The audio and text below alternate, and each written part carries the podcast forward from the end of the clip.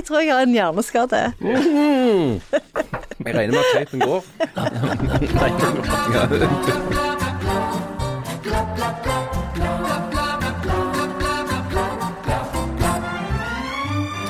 Vi har fått et nytt supermutert monstervirus. Dusjing koster nå 1200 kroner minuttet. Rentene stiger, og vi skal inn i den lunefulle. Nei, jeg ønsker meg ikke noe til jul, jeg, sesongen.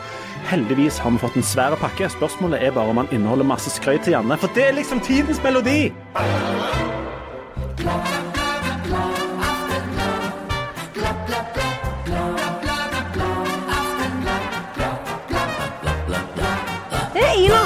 Har, ikke hørt et eneste skryteord. Dette er bare noe dere skryter av at det fins. Men hør nå, eh, Janne Stigen Drangsholt, eh, professor i whatever, oppe på en annen arbeidsplass. Eh, vi annonserte sist at vi skulle si noe om at du fikk snikskrøyt. Og det som var greia var at meg og Jan var ute i en form for selskapsliv. Um, og så kom det noen bort og så sa å, det er kjekt å høre på podkasten deres, og, og, eh, eller Janne, da. Så vi- ja, Det er sykt irriterende. ja, de hilsa liksom til Eller ikke til alle, eh, men til Janne, da. Og sånn. Og så, rett før jeg skulle gå ned her i dag, så sier kona mi Å ja, skal du spille en podkast, ja? OK, du må hilse til Eller eh, til Janne. Nå ble jeg kjempeglad. Og jeg var veldig, veldig, veldig langt under minus. Ja, For du var veldig, Ja. veldig langt nede. Men de sa, de sa ingenting om meg, selvfølgelig. Absolutt ingenting. Det er så Det er veldig hyggelig. Og, og oss to andre brukte de altså bare som et slags sånn medium, bare sånn, som et, sånt, som et slags brev. Menneskelig. En slags postbud for alle disse Eller en sånn syngende sånn, sånn eh, barbershop-kvartett. Ja. Kan dere Ja. gå inn til Janne og synge? Ja, så dere venta så lenge dere kunne med å bringe den hilsenen videre Det er noe løye. Det er jo ikke noe kjekt for oss andre at det alltid bare er du som får skrøyt for denne podkasten. Nei, men jeg trenger det aller mest òg. Så Ja, du er så needy. Ja, det sier du. Jeg, jeg har òg en, en slags sjel, eller Nei, nei, det, nå skal vi ikke Det er det verste jeg har hørt. Ja, drit i det. Altså, Vi har en svær pakke liggende på bordet her. og når vi, Før vi skulle gå ned her, så, så diskuterte vi litt hva som var inni, for dette er veldig spennende. Jeg håper det er brennevin. Ja. Ja. Og da uh, sier eh, Harald Birkevold Uh, med, i fullt alvor Uansett hva det er, så mener jeg at det skal være til meg, for det er jo jeg som er sjelen i denne podkasten. mye snakk om kjelen hele tida. Er dette noe nytt? Det var et forsøk på sjølironi. Nei, det var det ikke. Altså, Harald bommer jo eh, på trykk eh, omtrent hver dag, men jeg har aldri se, hørt en så en sånn en skivebom til og med på Harald, for Haralds del. så Men det er jo et, det er jo et brev òg. Altså, Det er en svær pakke som er pakket inn i det vi må være ærlige og si er en helt vanlig grå søppelsekk. Ja, men skal jeg si hva jeg tror det er? For dette er klassisk sportsbutikk-innpakking. Hvis fordi du har kjøpt f.eks. ishockey Ja, eller en kjelke. Eller en kjelke, Så har de, ja. de orka ikke kjøpe nok papir, så de hadde alltid svarte søppelsekker. Og så hadde de litt bånd rundt. Men dette handler jo også om størrelse. sant? Den er jo så stor at du må jo ha en søppelsekk for å få plass den oppi. Og så er det klistra dette brevet utpå. Det kommer til å bli veldig interessant. I løpet av sendinga skal vi finne ut av disse tingene, men ikke Ja. med en gang. Men jeg, jeg syns vi, vi skal komme med noen spådommer. Altså, Hva tror dere er oppi? Jeg er jo oppvokst med lurepakker. Der en pakker inn bitte små ubetydelige ting i noen enorme pakker gjerne med murstein og Det er veldig sånn kristelig shit. Det er kristen humor. Det er kristen humor. Ja, det er humor. Ja. Så sånn, Den siste store pakken som du, har, som du åpner, viser seg å være et gavekort på en CD. Ja. Eh, Men jeg tror, jeg mener at det der er lyden av et eller annet flytende oppi, og jeg eh, mistenker at dette er um, bidrag fra Fandens synagoge, uh, og at det er muligens noe alkoholholdig. Men er han tung? Ikke så veldig, og det, det forvirrer meg litt. ja, det er litt forvirrende. Han, han er lettere enn du skulle tro i forhold til størrelsen. Ja, for at ut ifra størrelsen og innpakningen så vil jeg Å, herlighet. Er det mulig? Så tror jeg at det er sånn Jan sin feil, det var Ja, han som begynte å le. Jeg tror det er de der sånne korte, sånne hoppski, sånne oransje hoppski, tror jeg det. Ja, miniski. Det tror jeg det. Sånn som du kan feste rett på vanlige sko? Ja. Okay. ja jeg, jeg, flott teori. Ja. Hvis det er miniski, så blir jeg skikkelig forbausa. Ja. Jeg tror, fordi at vi har jo akkurat begynt med det som er det årlige marerittet, julekalender. Eh, der eh, alle mødre i hele Norge på helt eh, eget initiativ Ja, lager seg yeah, right. lager seg et sånt stressgreie som de har bygd opp gjennom flere år, der de skaper forventninger i de tindrende søte små, selv når de har blitt liksom 18 år og skal, burde ha flytta hjemmefra, om at det skal lages voldsomme julekalendere. Forseggjort og original og spesiell og alt det greiene der. Og vi er jo akkurat i starten av, av desember, så mitt tips er at det er en enorm julekalender. Jeg skylder på dette på, eh, akkurat som deg, Jan, på uh, mødrene. Eh, og særlig det at vi har begynt å la de få lov å gå ut. Eh, mødrene, altså. For Fordi at de går i sånne foreninger og sånn, og så hisser de hverandre opp på sånne ting. Ja, nei, men jeg, På vegne av alle kvinner så kan jeg si at det, kvinner elsker jo desember. Det er jo vår yndlingsmåned i hele året. For, da, for, for eksempel du så har tre barn, kan du lage tre kalendere med 72 pakker i. Eh, du kan få lov til å planlegge eh, innkjøp av mat og hvem som skal komme på julaften. Og det er mye å holde på med, gøy å holde på med hele måneden, hver dag, hver time og hvert sekund. Et tips fra alle menn er å si f.eks. Nei, vi kjøper en sånn eh, I den grad det skal være noen kalender. Det ene tipset er å si nei. Det andre er ja, vi kjøper noe sånn Kinderegg eller lakrisgreier. eh, Ja, de med sånn ferdig innpakt. Så er det gjort. Takk for nå. Ja, Men det- kvinnene må jo finne på et eller annet. Det er urettferdig at de får så mye arbeid God. som lager eh, Jan. Ja, nei, men jeg er enig. Det, eh, kjøp eh, tre ferdig innpakka kalendere i butikken. Det har jeg gjort i mange år. Eh, funker kjempebra. Det er helt topp. Og sånn, og sånn var jo ikke kalenderen når vi var små. Og skal vi ned den veien igjen? Hva slags Hvem vi fikk da en neve med sand? Vi fikk en Ja, neve og hvis du var heldig. Vi, måtte, vi var tre stykker som måtte dele på en neve med sand. En bl blanding av sand og så sånn, sånn grovsalt. Og grovt salt, ja. Å, ja, Ja, ja det var fikk fint. Var flott og fint, ja. Vi fikk bare sånn tynnsalt som var blandt inn i den grusen, som vi måtte dele på tre. Så vi, og vi, hver dag måtte vi sortere salt og grus. Stemmer det. Og så fikk vi grusen, og så måtte vi levere fra oss saltet. Den sanden vi fikk, det var kattesand, så der hadde det drevet en 50-60 katter. Så alt var klint inn i kattedrit, som vi så måtte sortere inn, og så ete i svære munnfuller. Ja, dere fikk i hvert fall mat. Vi måtte, vi måtte personlig avlive alle de kattene som hadde vært oppi den sanden der. Dele de i to, og så måtte vi gå rundt og gi de til fattigfolk. Og vi måtte betale for å være med. Ti kroner dagen kosta det å være med på julekalender. Og dere var heldige som fikk betale for å være med. Vi måtte betale, og i tillegg så ble vi etterpå banket av de fattige, som var rasende over all den dritsanden de hadde gitt oss, og at, de hadde måttet, at vi hadde ikke betalt dem godt nok. Hver eneste dag så tok mor mi amputerte føttene til meg og broren min. Så måtte vi gå med de på de stumpene som var igjen. Sånn blodige stumper. Gå faktisk, og ikke i Norge, vi kunne bare drømme om det. Vi måtte gå til Romania og levere de der. Dere måtte, er jo heldige. OK. Kan jeg fortelle om traumet mitt snart? Ja, vær så god. Ja. I forrige uke så var jeg i Oslo. Bodde på det der Hotell Opera som ligger rett ved siden av Oslo S. Nei, Hotell Opera. Det ligger Det høye ligger mellom Oslo S og Opera. det ligger nærmere Oslo S nærmere. enn Operaen, for å si det sånn. Så det burde burde hett Hotell Oslo S. Det burde det. Ja, det er litt rart det ikke heter det, men de tenker kanskje at det blir litt sånn At det blir litt sånn narkos narkoshotell, da. Ja. Hva skjedde der? Jeg hadde vært på et sånn arrangement, og så da er det veldig vanskelig å sove etterpå. Og så lå jeg, og så klarte jeg ikke å sove. Og så våkna jeg brått klokka to av at brannalarmen gikk. Nei, nei, nei. nei. Å, herlighet, jeg var så redd. Og jeg var ganske redd fra før av, fordi at eh, jeg liker ikke de der hotellene hvor det ikke er sånn lås som du kan Vet dere, du kan ta i sånn lenke og så sette på. Ja, en sånn ja. Ja, for, for jeg vet ikke om døra er låst, så jeg må alltid gå mange ganger inn og ut av rommet og, finne ut om ja. døra er og du har jo opplevd den 50-60 ganger at det kommer vilt fremmede folk inn f.eks. med en pistol, eller at de står i fyr eller annet sånt. Det skjer jo hele Det har ikke skjedd, men jeg vet at det fort kan komme til å skje. Iallfall hvis ja. du ikke har sånn lenke. Ja, nemlig. For den lenka Men uansett, så eh, Og så gikk jo alarmen, og så var jeg sånn For dette har jeg opplevd en gang før, når vi var i USA, og brannalarmen gikk midt om natta. Og, og det var en sånn en Oxytocin-avhengig by med bare prostituerte og pantehandlere. Og da var mannen min veldig sånn Ingen tar på seg sko. Ingen tar på seg klær. Alle må gå ut. For han husker veldig godt brannøvelsene fra barneskolen. Og vet jo at du skal aldri ta med deg sekken, f.eks. Hvorfor ikke? Nei, for du må jo redde livet ditt. sant? Det er jo en nødsituasjon. Du må komme deg så fort ut som du kan. Og når vi kom ned på gata der, eh, halvnakne og forfrosne, så sto jo alle amerikanerne med full sminke. Trodde, så de trodde at dere var de der Oxy-prostituerte som gikk rundt og fallbød dere sjøl. Ja, en slags familie. Ja, Midt på natten. Så gale det har blitt, liksom. Og det orker ikke jeg å oppleve på ny. Nei, nei, Så nei. at jeg kledde på meg Og så gikk jeg ut i gangen, og da der var alle veldig forvirra. Hva skjer?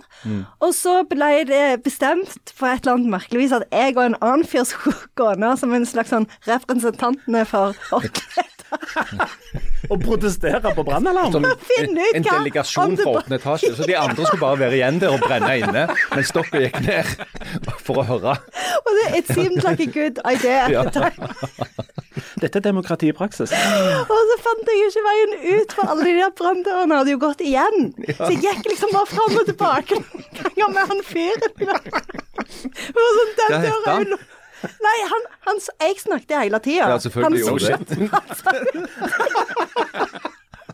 Jeg lurer på hvordan det går med han nå. Hvis du, Fortalte masse greier. hvis du hører på du, den, Hvis den andre representanten fra åttende etasje. Hører på denne podkasten. Så det er folk det går an å få snakke med. Det fins hjelp. Du må bare ta kontakt. Og du må, du må strekke ut en hånd. Men så gikk vi så i fjerde, når vi hadde kommet ned til fjerde for Folk drev og tok heisen og sånn. Ja, Som du jo skal gjøre med det bandet. Det er jo bud nummer én. Sånn at når vi hadde kommet ned trappa da, til fjerde etasje, så skjønte jeg jo at det, jeg kommer ikke til å gå opp igjen Nei, nei. hvis, eh, hvis det brenner. Her er det hver mann for seg. Og så, så sa jeg det til han da, men han, han orka ikke forholde seg til det. Og så fortsatte vi ned, og så var der, traff vi en mann som var sånn Hva skjer? Det er blålys rundt hele hotellet, og, og jeg var jo kjemperedd, selvfølgelig, og sprang ned, og så Nei, falsk alarm. Men da kunne jo ikke jeg sove etterpå, for da var jo jeg sikker på at det, For da så jeg for meg en sånn en lang artikkel i A-magasinet, hvor det var liksom sånn eh, Sannsynligvis gikk hun opp og la seg igjen, det var hennes største tabbe, og eh, familien sitt igjen, og Så, så det det ble spørsmål. no sleep, ja. Den natta. Du, Det er to ting som aldri skjer. Det ene er at det faktisk brenner når det er brannalarm. Har dere opplevd det noen gang? At det faktisk brenner? Nei, for det, til og med i. USA så var det bare det at det, eh, lynet hadde slått der i hotellet. Men Jeg du, har jo hatt brann i mitt eget hus. Altså sånn Har du? ordentlig brann. Oi, Hæ? Ja, sånn at det brant brann? sånn at det brant brann, ja. Hæ, hva skjedde? Hva skjedde? Nei, det brant. Ja, ja, men hvordan begynte det å banne? Det var en veldig sånn kort historie. historie. begynte å brenne. Huset brant. Ferdig. Nå har jeg fortalt den historien. eh, Det er ikke et haikudikt vi spør om historien. Det var den 18. januar eh, 2001 Oi. eh, dette skjedde. eh, på Våland. Og bodde på det tidspunktet i en leilighet. Eh, så begynte det å brenne da seint på kvelden. Eh, meg og Hege, som hun heter, eh, satt og så på TV. Og så plutselig så bare var hele stua fullt av røyk. Eh, det skjedde så fort at du ikke tror det. Eh, og da var det brant det, altså, etasjen under. Ordentlig. Eh, så da kom brannvesenet, og så slukte de det en stund. Men uh, det var uh, Jeg fikk jo den geniale ideen at jeg da skulle, etter at vi først hadde kommet oss ned en trapp og ut, skulle springe inn og så hente brannslukkingsapparatet. For jeg visste jo ikke hvor mye det brant. Eh, og på den lille turen jeg sprang opp igjen og skulle ned igjen, så fant jeg ikke veien ned. Det var ikke an å se. Så, men tilfeldigvis så gikk jeg meg på liksom, trappa og ramla nærmest ned uh, og kom meg ut. Men jeg hosta jo et halvt år etterpå. Vurderte dere å sende en representant bare ned? Så kunne du gå ned og sjekke forholdene? jo, jo, jeg, jeg foreslo jo det at jeg kan gå ned, og så kan du sitte igjen. Men uh, hun, hun gikk ikke på den, for å si det sånn. Så Men det jeg lurer på her, hva fikk dere sett ferdig til TV-programmet? nei. Det var en film, jeg husker ennå, det var en film med, med Alec Baldwin i en av rollene. Ja. Det var en sånn rettssalsdrama fra sørstaten i USA, hvor han var en slags advokat som forsvarte en, en eh, svarte mann som hadde blitt eh, sannsynligvis urettferdig anklaga for et mord. Men jeg vet aldri hvordan det gikk. Jeg tror jeg sitter den, men jeg skal ikke si hvordan det gikk. Nei, En eller annen gang så kan jeg jo se den om igjen. Men det var altså en ordentlig brann, med brannmenn og det hele. Liksom. Og det var rett før hele huset brant helt ned. Så branner fins altså? De fins. Akkurat. Har, om dere har dere brannøvelse hjemme? Det har vi gjort eh, tror jeg, to ganger. Det er ganske morsomt. Jeg hadde det et par ganger når ungene var små. Ja. For det bodde vi sant, i et sånt høyt hus, og der måtte ha sånn branntau og brannstiger og sånn greier. Så drev vi, jeg skulle liksom demonstrere hvordan de virket. Det var veldig enkelt. Du bare trekker Så virket det jo selvfølgelig ikke. Det det ikke Sånn at det inntrykket ungene satt igjen med etterpå, tror jeg var at hvis det begynner å brenne, så er vi ferdige. Ja. Vi har en sånn kolossal brannstige, og der må du jo være sivilingeniør for å få opp den Ja, du skal egentlig bare trekke ut en liten pinne, sant? en slags stift, og så, så detter den ut av seg sjøl. I teorien. ja, i teorien. I praksis, hvis dette er midt på natta og huset brenner, så tror jeg det bare er MacGyver og kanskje han Tom Cruise i den Mission Impossible som klarer å få det til. 1.12. var brannvarslernes dag. Det var det. Ja. Det var den dagen du skal sjekke om det er Ah. batteri i varsleren. Det gjorde jeg. Det gjorde Så jeg følger med, jeg har sånn varsling på telefon hver gang det er sånn FN-dagen for noe. Så får jeg beskjed. Sant? Og så da var det brannvern. Så i, i, I går var det f.eks. Eh, dagen for de som har eh, fått eh, hiv og aids. Um, I forrige uke var det forrige tirsdag tror jeg det var den internasjonale toalettdagen. Å ja, det er da du bør gå på det er det årlige besøk på toalettet. Da må du ta deg en liten tur. den, ja. den markerte jeg. Ikke men ikke Men har det ikke vært mannedagen òg nylig? Jo, det var det ingen som merket. Det er mannedag hver dag. Ja, det er hver dag. Det var det ingen som la merke til. Jeg som feirte. Jeg gikk i tog. Ja, gjør du det? Ingen presseoppslag om hvor håper rettferdig noen alt er. Vi skal snart få noen rettigheter, men bare som en prøveordning. Og bare den dagen i året. Selvfølgelig bare den dagen. Ja. Under tilsyn. Mens vi venter på at Kanskje en dag. Mens vi venter på at, eh, at menn skal få, få rettigheter og muligens også plikter i samfunnet, det gjenstår jo å se, eh, så har vi jo fått eh, en litt tidlig julepresang i år. eh, nemlig et nytt virus, og, eller en ny variant av virus å, å forholde oss til. Hurra. Jippi. Um, og Folk sier at det er bare vi som gir og gir til Afrika, men av og til så gir Afrika tilbake. jeg hørte Og nett så er det sånn sauronvirus. Det er jo veldig tøft. de har oppkalt etter skal vi se, Satan eller et eller annet. Nei, nei, nei, det, det er jo en Pokémon. Er det Pokémon? Pokémon? ja. Omikron. Jo, men det Sant? I visse miljøer så er Pokémon sitt på som Sant? En omikron i mint condition, det kan du få fire Pikachu og en Charmander for. Nei, Jo. jeg vet ikke hva det betyr, men alle tider sin. Dette, dette viruset ble jo um, det, det er jo i Norge nå. Å ja. Um, det var jo Det er mye på julebord, for jeg har forstått. Det er veldig glad i å være på julebord. og vi skal, vi skal ikke henge ut folk som har fått virus, men jeg syns det var en flott historie med de som reiste fra Afrika og så bare satte seg rett i taxien og reiste rett på julebord, som jo forteller en del om hvor, hvor både vanskelig og kanskje òg lett det er å forholde seg til dette her. Um, men i Men de gjorde ikke noe feil. De, Nei, de, de- de, fulgte reglene. Det var sånn de reglene var. Og det er det som er litt forvirrende nå. For den siste uka så nå har vi passert um, 4000 uh, daglige smitter for første gang. Vi ligger sånn omtrent på det nivået. Og her på Nord-Jæren, som vi holder til, er der, uh, begynner vi å nærme oss 150-200 til dagen. Noe sånt. Ja, Men det er ikke så fryktelig mange som kommer på sykehus for det. Nei.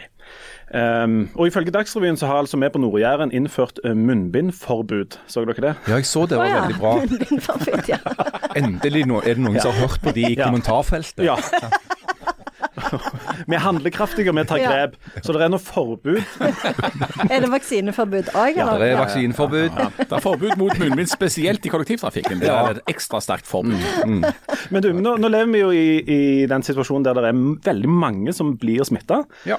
Og, um, Veldig få som blir alvorlig syke, og veldig få som dør. og samtidig så er sykehuset på, ikke på red alert, men på, på gult. Og vi i Aften har skrevet ganske mye om um, om ansatte på sykehuset som forteller om enormt vanskelige dager. Der er, mm, vi har satt en slags eh, rekord i sykefravær i Norge um, det siste året. Det er høyere nå enn det har vært eh, Sist gang var under svineinfluensaen.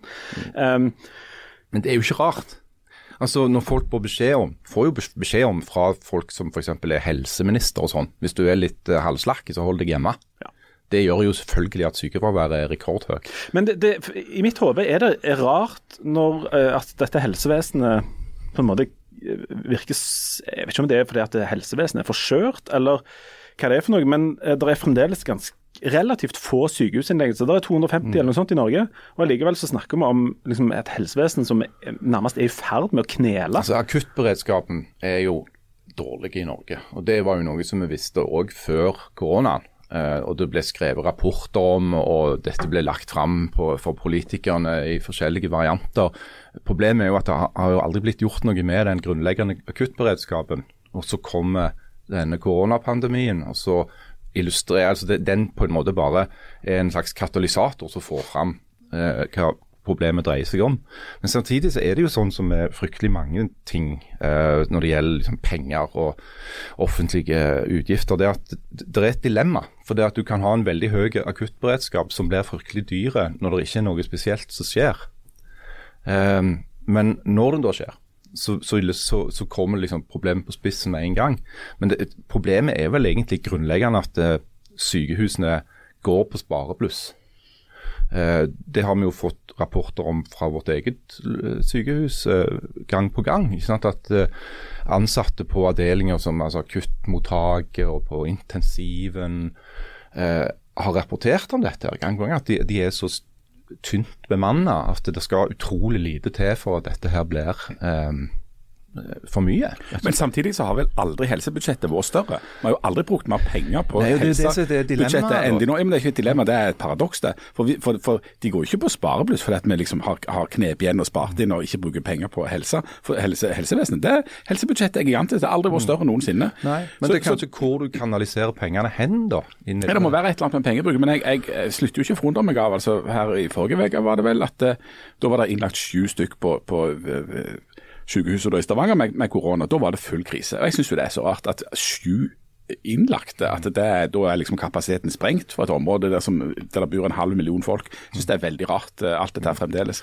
Men, men, vi er jo i den der situasjonen nå at, at det er ulike på en måte fag og folk og eksperter som ser ting fra sitt perspektiv, og som gjør at det er litt komplisert å forholde seg til dette.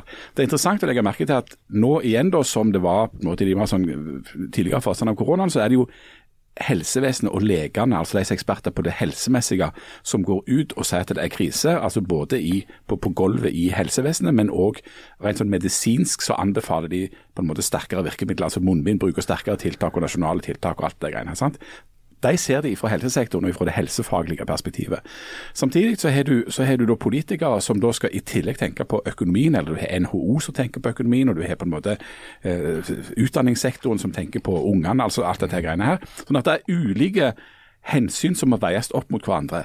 Eh, og det er det er bra at legene og helsevesenet sier ifra, men det er, det er, bra at det ikke er de som bestemmer ensidig ut ifra det perspektivet. Det er ganske illustrerende hvem er det som var de første til å avlyse julebordet sitt? Jo, det var Helsedirektoratet. Mm. Ja, samtidig som de politikerne som på en måte er de foresatte til Helsedirektoratet, de sier nei, nei, nei, gå på julebord for all del, fordi de tenker på de stakkars eh, eh, hotellene og restaurantene som nå kan risikere år tre med drit. Og, og, og, der, og, der, er du midt inne i det som iallfall er det kompliserte på det punktet vi er nå. Fordi at det der er det altså disse høye smittetallene som vi i mediene da er muligens for flinke på å fokusere på og skrive for mye om og, og heise for mye opp. Eh, som får det til å høres vanvittig ut. Og så har vi mange rapporter da fra hvor ille det står på, til på en måte på, i, i helsesektoren. Og så har du da eh, den dobbeltkommunikasjonen som går i at altså Helsedirektoratet avlyser sine julebord. Eh, men beskjeden fra Nakstad er likevel at dere skal gjennomføre julebordet. Eh, det var et sitat i, i, her om dagen, i går vel, i, fra, i VG av Huline Wold i Folkehelseinstituttet om dette med reiseråd. Og Da sier hun at ja, nei, vi fra FHI vi har ikke kommet med noe råd om det, om at dere ikke skal liksom, ut og reise. Det er liksom den første setningen. Neste setning er men det tryggeste er kanskje å holde seg hjemme. Mm. Da har du i samme setning både sagt at du ikke gir noen råd, og gitt et råd om å holde deg hjemme. Og Hvis folk følger de rådene der, så får vi etter hvert et enormt stort økonomisk problem. og Det er derfor de, det er jo en av grunnene til at de ikke innfører disse nasjonale tiltakene. For da ville det jo måtte komme kompensasjonsordninger igjen, som ville bli himla dyrt. Nei, De skyver det videre til kommunene. Og nå På Nord-Jæren så har de da bestemt seg etter mye fram og tilbake. Ok, Nå, nå vil vi ha munnbindpåbud på Nord-Jæren. Tror det er forbud. forbud. Ifølge Dagsrevyen er det forbud, men la gå. Ja, men la oss nå si at det, det var et påbud, da. Eh, så er jo det det handler litt òg, tror jeg, om at denne her omikron-varianten, den vet de ikke nok om ennå. Det kan være at den er både mer smittsomme og gjør mer alvorlige sykdomsforløp enn den forrige, altså delta. Det kan òg være at han er mer smittsomme, men gir mindre alvorlige sykdom. I så fall så er det en god nyhet. for det, det, Hvis den da både er mer smittsomme, og gir mer, mindre alvorlig sykdom, så vil den utkonkurrere delta fordi han er mer smittsomme. Men han vil gjøre folk mindre syke. Så det er, en, det, det er egentlig en god nyhet. Men de, de, de vet ikke nok, så de, de, kan liksom ikke si det ennå. Så, så, en del av dette er jo òg sånn føre var. Eh, inntil de har fått analysert denne banditten eh, nærmere, så, så, må de ta de forholdsreglene, for de vet ikke helt hva som kommer til å skje. Særlig hvis dette nå sprer seg til de som er eh, fullvaksinert, mens den første dosen fikk de for så lenge siden at effekten av den begynner å bli ganske svak. Og så de venter på en tredje dose. Hvis de blir da smitta i det tidsvinduet der, så kan det bli ganske gale. Men, men det munnbindforbudet eller påbudet det illustrerer òg dobbeltkommunikasjonen. For det er altså sånn at da, nå er det da munnbindpåbud på kollektivtransport og kjøpesenter og butikker rundt omkring der det ikke går an å holde én meters avstand. Så hvis du skal ta bussen ifra, eller toget fra Sola eller eh, Madla inn til sentrum, en tur som var altså, et kvarter eller 20 minutter, der du sitter i lag med noen folk, og så skal gå på kino eller skal gå på julekonsert, eller skal gå på restaurant, eller skal gå på julebord, så må du ha på deg munnbind. Det er dritvanskelig I det å bruke munnbind når du skal spise. Ja, i det kvarteret.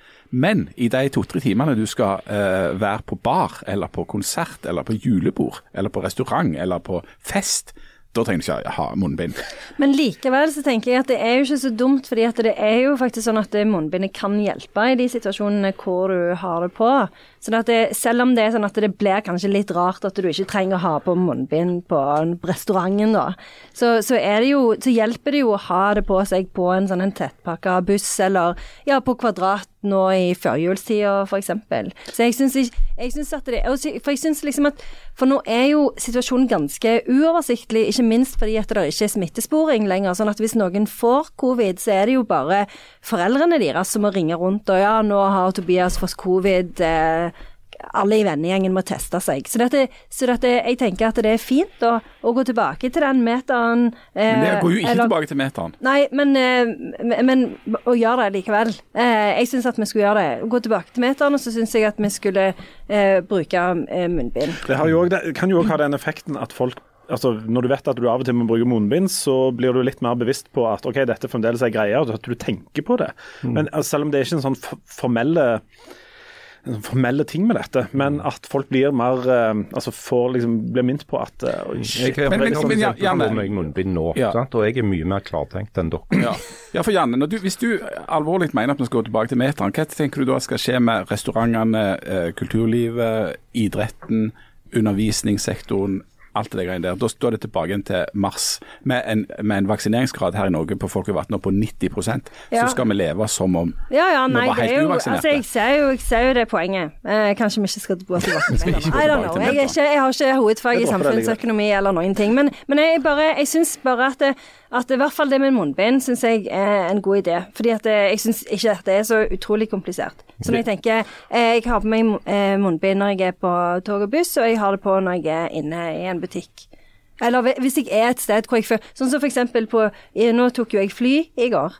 Og da var det jo ikke påbud om å ha på munnbind på flyplassen eller på flyet. Men jeg syns jo at det var fint å gjøre det, for du står jo veldig tett. Jeg eh, tenkte, I dag morges så tenkte jeg åh, jeg savner Bent Høie, tenkte jeg. Men så tenkte jeg videre. Og Grunnen til at jeg savner Bent Høie, er jo selvfølgelig at jeg savner han som står der eh, og sier liksom Sånn skal dere gjøre. Eh, da, da, da, ferdig snakka. Eh, og så står liksom eh, Espen Nakstad ved siden av Camilla Stoltenberg, og kanskje til og med Erna Solberg, og så forteller de folk liksom Sånn skal dere gjøre. Men så kommer jeg jo på at det jeg egentlig savner, det er jo den klarheten som, da, som eksisterte før vi liksom åpna samfunnet igjen. Men jeg er jo for å åpne samfunnet igjen òg. Så det, er en sånn Du blir litt teit av dette greiene. For det at mange kritiserer nå Ingvild Kjerkol, den nye helseministeren, for å være mindre tydelig enn Bent Høie. Men hun er jo en helt annen Altså, med all respekt, altså Bent Høie var en fantastisk flink mann i den rollen han hadde. Men Og flott hadde- dialekt. og Det veldig jeg mye er finere dialekt enn Ingvild Mm, mye, mye Men greia er at hun har egentlig en mye vanskeligere jobb. For hun skal turnere en situasjon hvor du både har åpna samfunnet igjen, og har en ny eh, virusvariant som de foreløpig ikke helt vet hva er. Så Derfor så, så står hun der og sier sånn to ting på en gang. At å, dette er ganske alvorlig, men samtidig ikke. Eh, og klart Folk blir forvirra av det, men jeg tror muligens ikke at Bent Høie hadde gjort jobben så mye bedre hvis han hadde vært i hennes situasjon. Ja, det, det vi har disse politikerne til, det er vel nettopp å um, bestemme noe etter innspill fra både de som driver med medisin, de som driver med økonomi, de som driver med psykisk helse, unger og alt det sammen. Um, og Det er, virker som Harald sier, som en litt vanskeligere jobb nå enn det var når vi bare skulle stenge ned alt. Ja, for det er jo det er helt rett som det er jo enklere når det enten er stengt eller, ja, stengt, eller stengt fordi at det er sykdom der, eller åpent fordi at det ikke er den der sykdommen der. Men det som er øvelsen nå, er jo å håndtere at det finnes denne sykdommen, at det finnes smitte. Men det har det jo da alltid vært. Og da er jo det interessante hvordan klarer vi å leve med at denne smitten eksisterer. Mm. Og noe av problemet i helsevesenet nå er jo at den smitten eksisterer på siden av RS-virus og influensavirus og en masse andre sånne sykdommer. Mm. Men det er ikke sånn at vi kan stenge ned samfunnet og bare sitte hjemme. Altså, det er klart det tryggeste på mange måter, selv om de fleste ulykker skjer i heimen, men det tryggeste på mange måter er å sitte og bare holde seg hjemme eller holde en voldsom avstand og ikke gjøre noen ting. For da blir du ikke eksponert for noen ting som helst. Men det kan vi altså ikke gjøre. Og, og politikerne må sørge for at samfunnet går rundt. Altså Samfunnet handler om mer enn sykdom. Og, og, hvis det er sånn at folk ikke blir alvorlig syke og dør av det, så er det sånn at sykdom finnes. Det kommer alltid til å finnes. Vi må eh, leve med det. Han, Men det er jo det som skjer nå. fordi jeg har jo eh, reist meg med buss for tog eh, de siste dagene og hatt eh, kulturarrangement rundt omkring. Og det er veldig lite folk som dukker opp fordi ja. folk sitter hjemme og, og sier, folk er redde. Det sier de de som arrangerer konserter og, og sånt òg, at det er mye mindre folk nå. Eh, mange trodde jo at når vi da endelig åpna opp igjen, så skulle folk gå mann av huset. De gjør ikke det. Det virker som om det har stabilisert seg på et nytt og lavere nivå enn før. Og Det er jo klart, det er jo omtrent umulig å selge billetter til disse tingene nå, når, folk, når, når eh, toppene i helsevesen og politikk sier at nei, vi skal leve som før, men kanskje det er tryggest å holde seg hjemme. Mm. Da går du ikke ut og kjøper billetter. Siste spørsmål før vi tar en liten pause. Har dere nå når, med denne nye virusvarianten, alt det som skjer nå, gjør dere noen ting sjøl for å liksom justere antall folk dere treffer, eller ting dere gjør? Eh, eller sånt, Bortsett fra at det nå er forbud mot munnbind, som alle må forholde oss til. Mm. Harald? Nei, ikke noe spesielt. Jeg, akkurat nå for tiden så sitter jeg jo stort sett bare hjemme og ser på sjakk. Ja. Så det, det, er det jo bare meg som er interessert i, i, i min husstand. Så jeg er, mye, jeg er, veldig mye alene allerede. Ja, men det er jo for så vidt ikke noe. Det har jo minner litt om de forrige 50 åra, gjør det ikke? Det gjør egentlig ja. det, ja. Janne? Jeg prøver å holde avstand til folk. Eh, og så er det jo mye spørsmål hele tida om eh, kan vi ta i hånd, eh, kan vi liksom håndhilse nå? Nei. nei. Og det er liksom sånn nei, vi kan ikke det. Slutt å mase om det. Og ikke det der helsikes klemmingen heller. Nei, jeg, jeg, vet, jeg vet vi skal ikke klemme, men ja. jeg gir deg en. Nei, ikke gjør det. Mm. Ja. Eh, og så eh, tar jeg av og til og slenger fram en albue, og så føler jeg meg litt dum, men det må til. ja. Jeg mener at jeg ikke er en større ekspert i immunologi og smittevern og alt det der enn alle de som sitter på toppen i Helsedirektorat og FHI, så jeg følger de nasjonale eh, rådene. Det betyr at jeg lever så normalt jeg bare klarer. Jeg går på kulturarrangement, jeg mener folk bør gå på kulturarrangement. Jeg går på restaurant, det syns jeg folk skal gjøre. Jeg går på jobb. Jeg gjør alle de tingene som de nasjonale rådene sier. Og nå når de har kommet med munnbindforbud eller påbud i kollektivtrafikken, så skal jeg ta på meg munnbind hvis jeg skal ta kollektivtrafikk. Men, men eh, vi er ute å kjøre hvis bedrifter og enkeltpersoner begynner å være strengere basert på at de føler et eller annet enn det som er de nasjonale rådene. Jo, men jeg, jeg syns ikke jeg, jeg, skjønner ikke jeg synes det er Det var det jeg mente. Ja, ja, men jeg skjønner ikke hvorfor du liksom eh, delegerer det til følerisonen. For dette, det går jo an å bare tenke det. For folk var helt sykt raske med å gå så tett innpå som overhodet mulig. Og jeg, jeg skjønner ikke at det skal være så utrolig vanskelig å bare holde litt avstand. Det er bare det jeg mener. Så det trenger ikke være at jeg Å, jeg føler at det fyller virus. Det ikke, trenger jo ikke være det. Det kan jo bare være OK, men jeg kan ikke være greit. OK, du kan gå ut, men du trenger ikke stå helt oppi folk hele tida. Jeg har slutta helt med sånn one night stands. oh, ja. Og det har vært mitt bidrag. Ja. Jeg har det bare et par ganger i uka. Jeg, jeg, jeg, har eh, stengt Eh, Tinder-kontoen min, for det syns kona var så utrolig Ja, jeg har savna deg. da. Det ble så sårt. Mm. OK, nå skal vi ta en, eh, vi skal ta en kjapp pause. Hvis du syns dette var litt sånn uh, tungt og deprimerende, så kan du trøste deg med at vi, vi skal snakke om strømpriser etterpå. I hvert fall noe drit. Men for, for, å gjøre det hele litt lettere, så skal vi begynne å åpne denne svære pakken. Men vi tar en kjapp pause, så er vi øyeblikk tilbake. Ja, hjertelig velkommen eh, tilbake til Aftenbladet. Nå eh, Jan, tror jeg vi må gå løs på denne store pakken. Vi må ta, oss på den store pakken. Skal vi ikke litt sånn trinnvis at vi starter med konvolutten på utsida? For vi har, jo, vi har, jo, tips. altså Gjerne tror det er Var det hoppski eller slalåmski? Ja, jeg husker hva dere kalte det. Miniski. miniski. Og jeg tror de er oransje. Og det står til Aftenblad Blad. Altså, det, det, er alle, det, er til og med inkludert meg, det. Ja, det er ikke det Men jeg ser jo at uh, Leif Tore har men, på seg gjerne de T-skjorta si. Ja, ja. Men, men, vi tror altså at det er miniski, at det er en julekalender, at det er en kristen sånn der tullegave. Mm.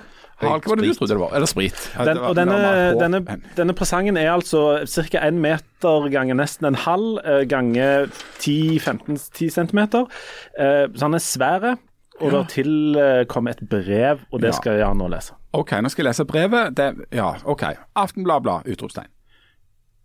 I fjor på denne tiden kom dere med både frustrasjon, aggresjon og fortvilelse over konseptet pakkekalender, som unge lovende barn om ikke lenge forventer. Det siste, arbeid, siste året har jeg arbeidet for å finne en løsning på deres sjelsettende ilandsproblem. Vedlagt dette brevet er prototypen av en løsning som kan i det minste dempe levesmerten som verker inni dere. Konseptet uke adventskalender reduserer arbeidet med 83,33% noe som er et resultat jeg langt på vei er fornøyd med. PS. Takk for en utmerket podkast. God jul, godt folk. Fortsett med godt arbeid. Og det er underskrevet med det som kan tolkes som en J, eller som en, som en smilelse. Det er en J. Den, Det er en J. En J, ja. Er det Janne? Nei. Er det Janne som har sendt? Eh, for Janne er så glad i å lage pakkekalender at hun har laget det selv. OK, men, Jeg lager en til, tenkte du. Det tenkte jeg ikke. men da er det altså et forbedra, et forbedra konsept av pakkekalenderen, men, men må åpne den ikke før helt mot slutten for å se hvordan dette faktisk gir seg. Ja, Selvsagt har du lyst til det, men eh, Så det betyr at sannsynligvis, hvis jeg ikke har regnet veldig feil her nå, så er det liksom én gave til hver av oss inni der. Jeg tror ikke det. Jeg tror det er én gave i uka, altså fire gaver. Men det, da er det kanskje en, ja, da er det en til hver av oss til sammen. Det var jeg. Jeg tror, jeg tror muligens Siden vi er fire, og det er fire uker. Det, var- det var veldig god, godt utregna. Jeg ser ikke vekk fra at det er en sånn uh, kalender der det er én gave hver dag til Janne, og at vi andre får Det ville vært så jækla typisk. Til og med da jeg var liten, så måtte jeg kjøpe julekalenderen min sjøl. Mm. Og du var heldig. Ja, nei, ikke, ikke begynn med det igjen. Å Å ja, du hadde penger til å kjøpe julekalender? Nei, nei. Men uh, om vi, må vi snakke om strøm? Er jo, da skal vi snakke om pensjon òg. Nei, nei, nei, nei, nei, nei. Vi skal, vi skal ikke Klart vi skal snakke om strøm. Strømpensjon det er det mest sexy som fins. Altså, Det er eh, nesten sånn at jeg har avabonnert på Aftenbladet denne uka fordi det sto sånn Ti grunner til at strømprisene vil fortsette å stige. men det er sånn at hvis du hadde avslutta Aftenbladet-abonnementet ditt, så hadde du hatt råd til å dusje to ganger. Men det, jo- men det som er så veldig bra, eh, Janne, for deg som er så enormt rik og har et enormt stort hus med et enormt strømforbruk i, er jo at eh, Trygve Slagsvold Vedum og Måler de der folka der, de, fordi at de er for vanlige folk nå, så får jo du et mye, mye mer subsidier da, og mye mer hjelp via kuttinga i, i denne elavgiften, enn f.eks. noen fattige som sitter trangbudt og med dårlig økonomi en annen plass. Promises, promises. Men du, men greia var at vi Men skal Sylvi ikke Lysthaug hadde jo et kjempebra forslag. For det, hun skulle, de skal bare gi, hun skulle bare gi eh, hva var det, 4000 eller 10 000 eller en million kroner til hver eneste nordmann. Og de som følte at de hadde god råd og ikke trengte de pengene, kunne bare gi det til Frelsesarmeen. Eller noe. Eller noe. og det er jo så typisk. For det Altså, all ære til Sylvi Listhaug. Altså, hun er jo en, en slue, en slue banditt, altså. For altså, hun har først vært med på å innført dette eh, regelverket som gjør nå det, altså Hun har vært med og lagd de strømprisene som vi ser nå. Og så allikevel så tropper hun opp altså i debatten og på Dagsnytt 18 og, og sånn, og så bare later hun som om dette er noe Fremskrittspartiet har vært imot hele tiden. Og nå kommer vi med sånn friske forslag om å dele ut penger i øst og vest for å kompensere for de skadene hun sjøl har vært med og lagt. Men hør nå her. Sylvi Listhaug er jo i fryktelig godt selskap her. For nå er det et kappløp på dette Stortinget med hvor mye penger de bare skal gi oss for å betale regningene våre. Jeg mener at dette er et flott konsept, der de Altså, bare, altså, ja, vi bare sendt regningene rett til dem. Men alle har nå foreslått en eller annen form for kompensasjonsordning. De blir kjempekreative Ja. eh, nå, nå etterpå. Og, og, og Senest i går kveld så bestemte jo SV og eh, regjeringskameratene seg for at de skal lage et konkret opplegg. Eh, Ingen som vet hva det er ennå. Ja, men de, de har lagd nå en avtale om, Om at det, avtale. det er bare deres strøm, løsnings eh, Columbi-egg, som eh, kommer til å bli vedtatt i Stortinget. For de har blitt enige. Altså regjeringen Arbeiderpartiet og Senterpartiet har blitt enige med SV om at eh, det er vi som skal komme med løsningen. Og Det er jo typisk også fordi at nå, nå har det oppstått en situasjon hvor alle partiene har kjempelyst til å være de som kommer med julepresangen i form av med et eller annet eh, løsning. Og så er det jo kjempeviktig da for regjeringen å eie den løsningen sammen med SV. Eh, Men alle de tre partiene, Arbeiderpartiet, Senterpartiet og SV, har jo stemt for eh, disse her eh, greiene som gjør at strømmen er så dyr nå. Så det er litt Så det er akkurat, akkurat som Sylvi Listhaug. Så der er de igjen i godt selskap, da.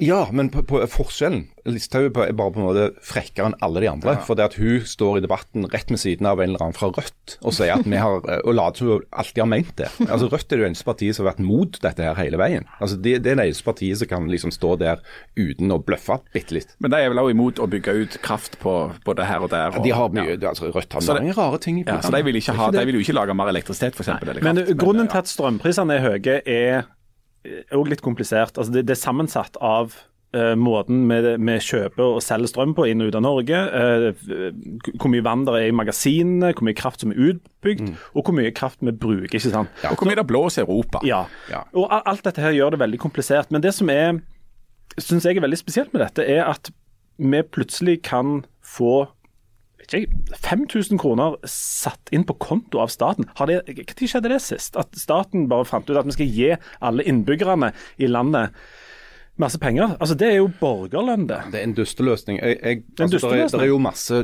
kreative forslag i lufta nå. Uh, de dummeste forslagene, syns jeg, da, det er de der som handler om å gi alle eh, et fast fra, Altså at alle får det samme. For det, at, det er jo klart at har, altså, De høye strømprisene er jo mye mer alvorlige for de som har dårlig råd, enn for de som har god. Det må jo være en måte å differensiere dette på. Men det jeg tenkte kunne vært en bedre løsning, det var også For det, det som skjer nå, det er at staten, fordi at staten eier Statkraft, eh, Statnett og eh, har, får moms sant, på, på strømregningen, kunne gitt de pengene tilbake, ikke til Janne og meg og deg og Jan, men gitt de tilbake til strømselskapene, sånn at de kunne sende ut lavere regninger til oss. Da ville, da ville min regning fortsatt vært forskjellig fra Jans, men alle hadde vært mindre dyre.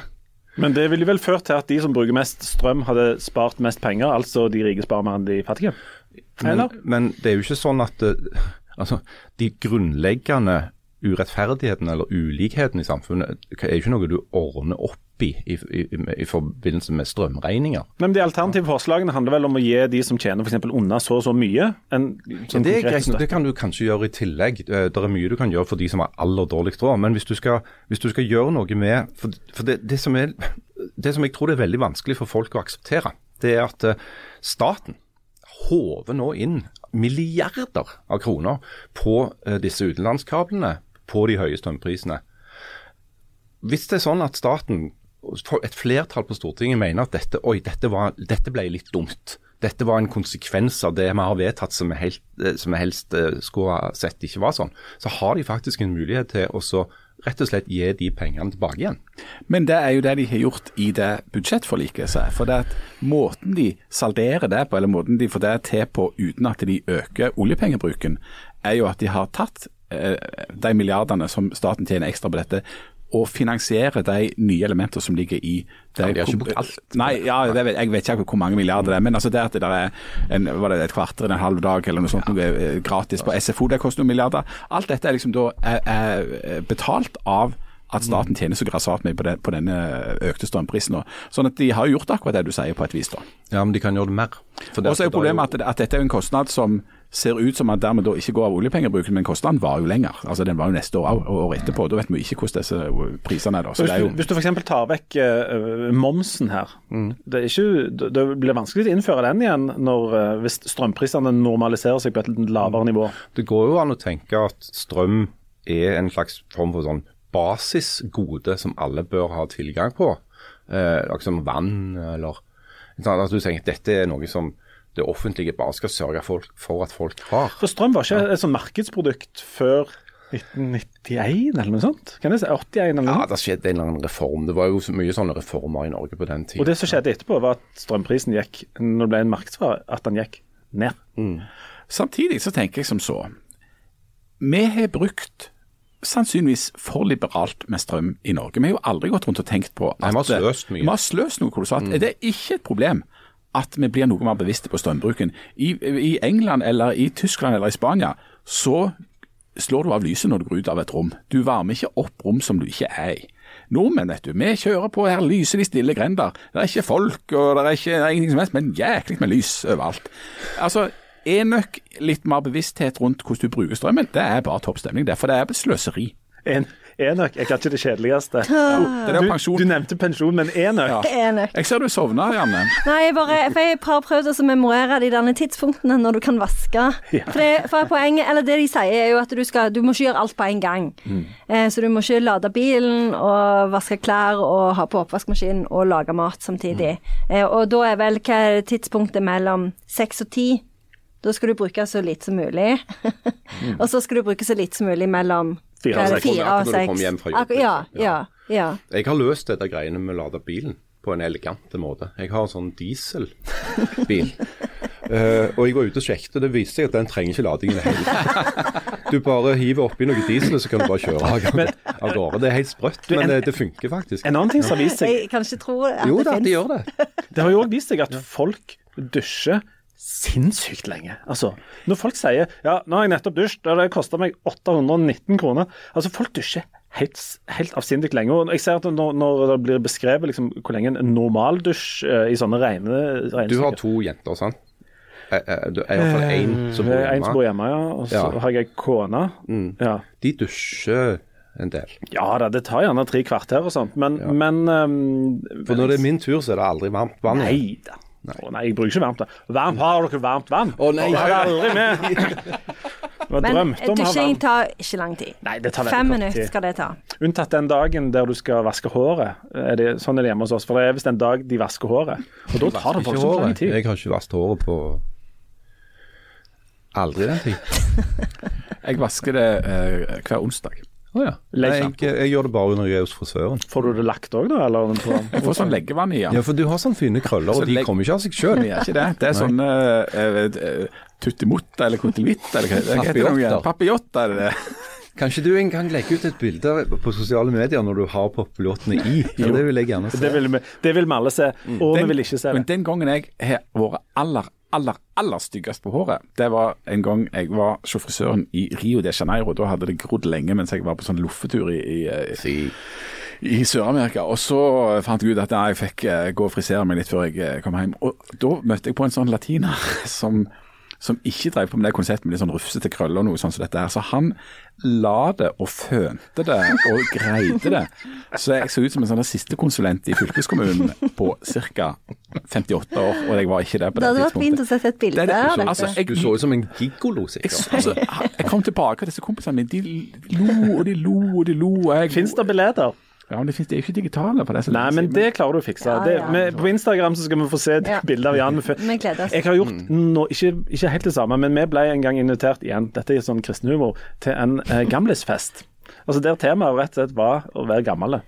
Og da fant Du bare gikk som deg sjøl. Nei, jeg, tenk, vurderte å gå som meg sjøl, men, eh, men jeg, og jeg liker ikke sånne utkledningsfester. Men jeg, ok, hvis vi først skal gjøre det, får vi gjøre det, da. Så jeg, og jeg er jo veldig kort i håret til vanlig, men jeg slapp det litt grann ut, sånn at det var en sånn halvannen til to centimeter eller noe sånt. Og så barberte jeg sånn krans Ja, det er så flott. og slapp ut bart. Å, det er nydelig. Så jeg var i selskap med krans. Og, og jeg syns det var såpass tøft at jeg, Du ville ha det sånn. jeg ser ikke vekk ifra at det kunne blitt en løsning. Og, ja. Ja. Jeg syns det, var- synes det var Kan ikke du prøve å anlegge en liten sånn en krans før jul, og så og en julekrans? Hadde ikke det vært løye? Jo, så, jo, gjør det. Kom an. Det har jo blitt et Ja. veldig bra bilde på Ja, gjør det. Jeg skal i det minste, for nå begynner jeg å nærme meg en sånn en fullraking av håret. Jeg skal i det minste ta og så rake en krans og få tatt et bilde av det, sånn at vi kan få lagt det ut. Men når skal vi åpne den gaven, da? Nå Vi begynne på det. Skal vi åpne gaven? Ja. Ja, altså det er jo ah, Det blir mye sånn riving her, da. Uh, for det, det var det trådene som så Janne filmer dette, så vi Jeg legger det prøver ut på, å in filme det, men eh, vi legger det ut på Instagram. nå, Ja, ja. jeg, nå har vi jo åpna den første Og det er to Åh, sekker. det er mange eh, sekker. mange sekker. Det er lag Kanskje det er på sånn luregave? med sekk. At det bare er se Nei, Og der så er det papir inni sekkene rødt papir med Eh, hvite hjerter på. av en gave. Altså, det er det som av og til sier at uh, vi er ikke så opptatt av presanger, men gi oss en presang. Sang er jo best. Oi, oi, oi, oi. oi. Men tenk at noen har sittet og brukt av sin dyrt tilmålte tid. Hæ? Se. Nei, se dette. Dette som, som, som for så vidt meldt i det brevet, så er det altså en Det er med luker. kalender med, med luke, ja. Her er det fire luker. Og Men det står søndag Ja, altså at det, det er på adventssøndagene, da. Ja, det er nok det, vet du. Ja. Første søndag. men- første Men vi har gjennomført. Ja, ja, ja. første søndag advent. vært. Da kan vi jo åpne den første luka. Ja. Og det er fint med sånn lapper og, og, og, og Dette er skikkelig klips, forseggjort så det, ja. altså folk, no, Et menneske Er du 100 sikker på at det er rett luke? Fordi at du må Jeg er 100 Det står et ett-tall. Ja, Det er jo et tegn. kjempetegn. Altså Ett med en punktum var altså første uke. Mm. Skråstrek søndag. Se at du bare drar i den, da. Yes. Oi, oi, oi. Dette er det mest imponerende jeg har sett i hele mitt liv. nå, altså. Nå, nå er det glede her. Oppi her Filmer du nå? Yes! Nei! At du så flott bilde av Jan. Alle Ei dager! flaske med et ungdomsbilde av meg og en tekst. En korpsing fostra på Bryne, syrlig og skarp slik som lynet, har inga tru, bygger ikke bru. Rart at han fremdeles har synet. Oi. Limerick. Hjemmelagd øl og bilde. Juleøl med sviske, skråstrek aprikos, 8,6% Ja, nå begynner vi å snakke sammen her. Er. Takk for i dag. Jeg fant den synagoge. Det er. Det er jo helt fantastisk. Det var helt utrolig fint. Det er, altså, dette, det, er, det er noe av det fineste jeg har opplevd. Ja, det er faktisk det. Med klærne på. Men altså um, Og kanskje òg uten. Men Ja. jeg syns det er Jeg må si det at vedkommende som har uh, lagd dette her, har altså ikke oppgitt fullt navn, og det er nesten litt synd. For Ja, at, det eh, er det faktisk.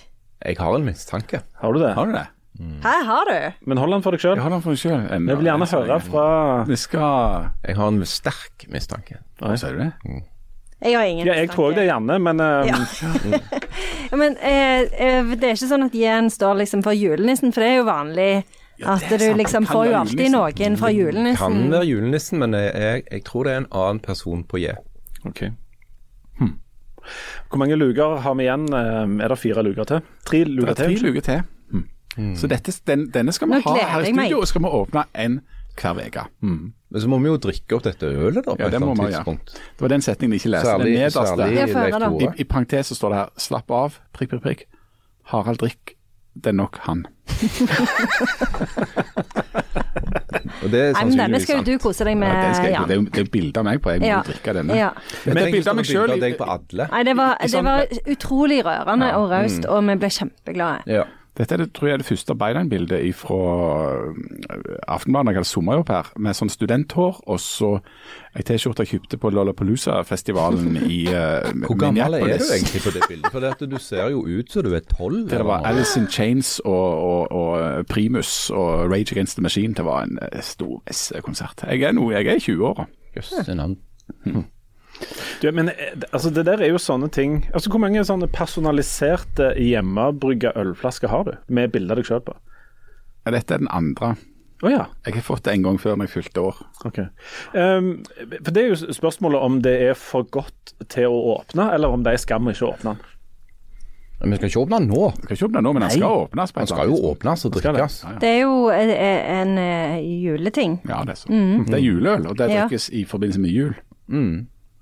Det er kjekt med, med presanger. Du, med, hva, svarer dere når, når folk spør dere hva dere ønsker dere til jul, som voksne, Dette skjedde velholdte folk? Ja, Jeg fikk en tekstmelding fra en, et familiemedlem. hva ønsker du deg til jul? Det, tar du sånn dad joke-svar, eller svarer du Jeg tar Har det du som noe du en personlig fornærmelse, selvfølgelig. Um, for det, det er jo det verste spørsmålet jeg får. Jeg ønsker meg jo egentlig jo helt alvorlig talt ingenting. Um, Eller gjør du egentlig det? Nei, jeg gjør ikke det. Jeg ønsker meg ingenting. Hadde du syntes det var kjekt hvis noen Og så videre. Nei, så må jeg på en måte bare finne på noe, da. Og så tenker jeg ok, da får jeg iallfall prøve å finne på noe jeg faktisk trenger, istedenfor bare å si et eller annet uh, sånn her. Så, men, men det er det samme marerittet hvert år. Hva ønsker du deg til jul? Ingenting. Det, går, det kan du ikke si.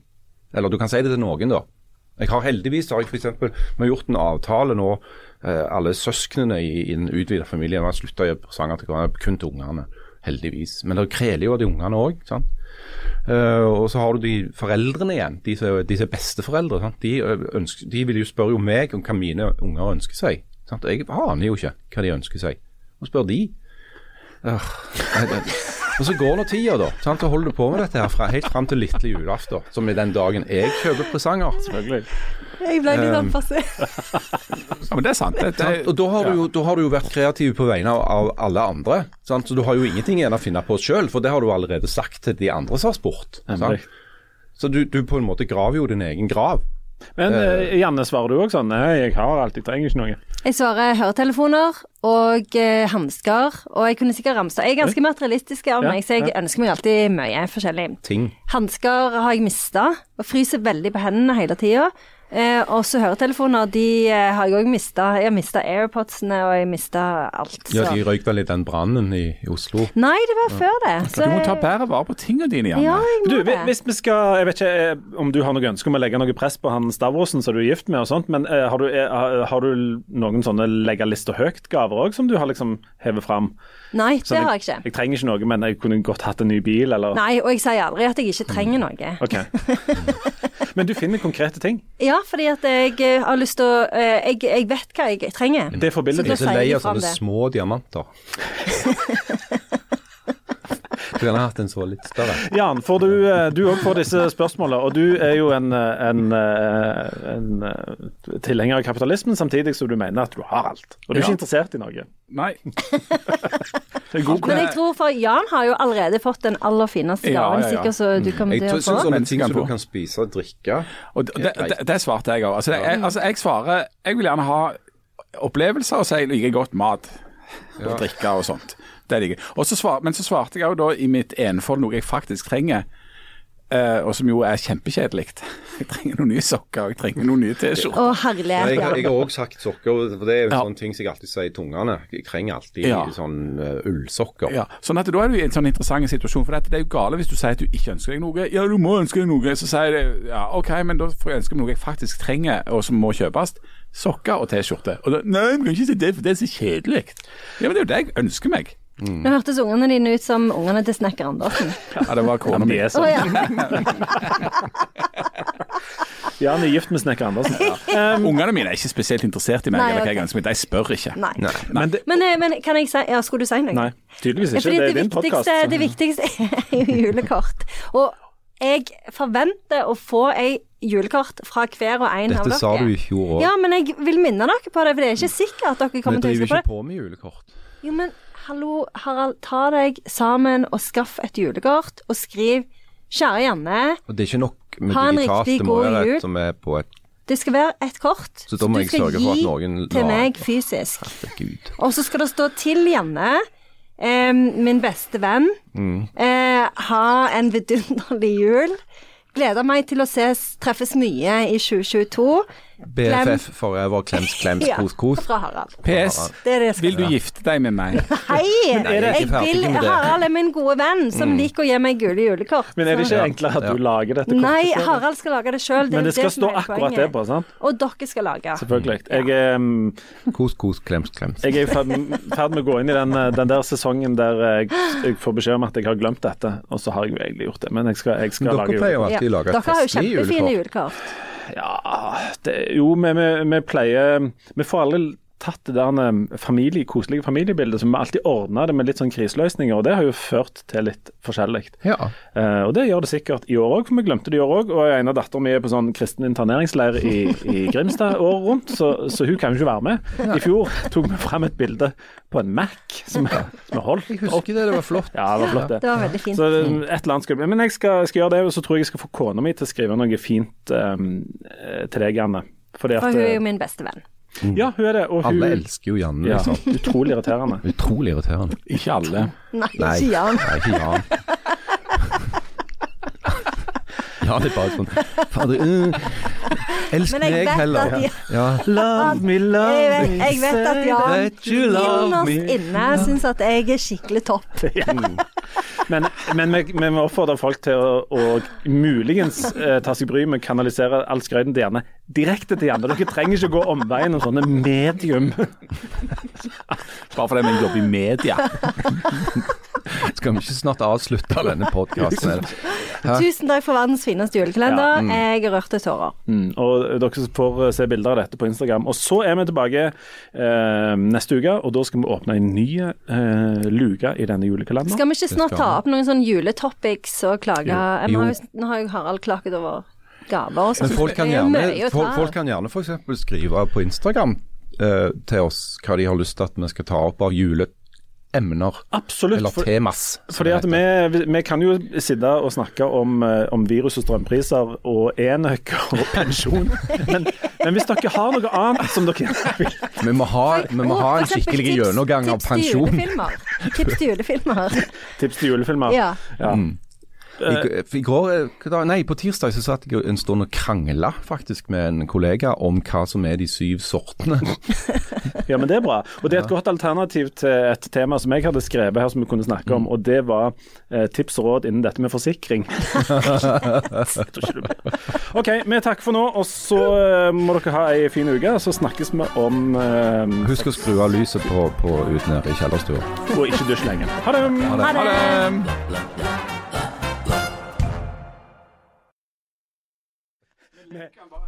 Ja, la oss det. Far har vært og kjøpt gave til hele Han har pakket den inn sjøl, Ja. men han har klart å gjøre sånn med, med, med en saks på det båndet. Ja.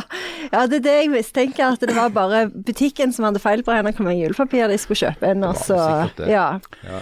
Men det er det eneste. altså, Jeg, jeg, jeg kan vel innrømme at når jeg pakker inn julegaver, så blir de kjempestygge. Mens uh, hun som styrer julen hos oss, hun pakker inn sånn at pakken i seg selv ser ut som et kunstverk. Men Ja. den ene tingen jeg da prøver å gjøre, etter at jeg liksom har gitt opp egentlig alt, det er bare å ta noen lange remser med noen sånn tråd, og så bruke sokser på det. Ja, ja. Men sjøl det klarer jeg å få til å bli stygt. Det er jo veldig vanskelig går å kalle han. at han blir, når de gjør det, så blir det sånn, sånn Ja. så ser det ut som Mm. Men når jeg gjør det, så blir det bare sånn sånn, Han deler seg jo på, på et tidspunkt. sånn ja. Litt sånn pistrete, og, så, og så av og til blir han rettere enn han var før Ja, vi begynte. at du har brukt sånn rettetang på han. Ja, men det verste er når han Det han kanskje ikke så mye når men på 80-tallet så ble han jo ofte i masse små sånn Han delte de seg. Den, men har, de har jo de, vet du. Ja, de har jo det nå. De har jo det nå. Ja, de hadde Før måtte vi jo ha den gode saksa. Det, ja. Så eh, for, Den som du hadde i en bestemt skuff, Ja, eller så du bare brukte til det. Ja, og nå- vi jobbet jo eller i butikk, så det var alltid far som fikk lov å ha den gode saksa, så vi måtte alltid ha de dårlige. Men var det far som pynta presangene? Far var sykt god å pakke inn gaver. I butikken han visste akkurat hvor mye papir han skulle ha på LP-plater, og så bare For jeg gjør jo alltid den feilen at jeg har for mye papir, og så må jeg begynne å klippe av. Mm, det er Da- nettopp det. Da er du i gang. Ja, da er du i gang. Får du sånn, eh, får du sånn eh, doble og triple bretter i kanten, Ja. så du prøver liksom å Ja. stue Ja, det er trist. Ja. Og det er, det er så jævlig pakka inn presanger. At jeg, jeg hadde vært villig til å betale noen fra Baltikum eller et sånt, bare for liksom å være tilgjengelige. Ja, for du, du, vil, du vil betale under minstelønn, så du vil ha Du vil ikke ha noen fra Tyskland, liksom. Ja, Norske lønninger, det går jo ikke. Jeg, men, men, et tegn på forfall er jo når butikken, butikken sier ja, dere har pakkedisk rett Ja. forbi. Som om det hjelper! Det hjelper! ingenting. Jeg er så utrolig irritert. Åh, så Jeg blir så for det, jævlig forbanna av det der innpakkingsgreiet.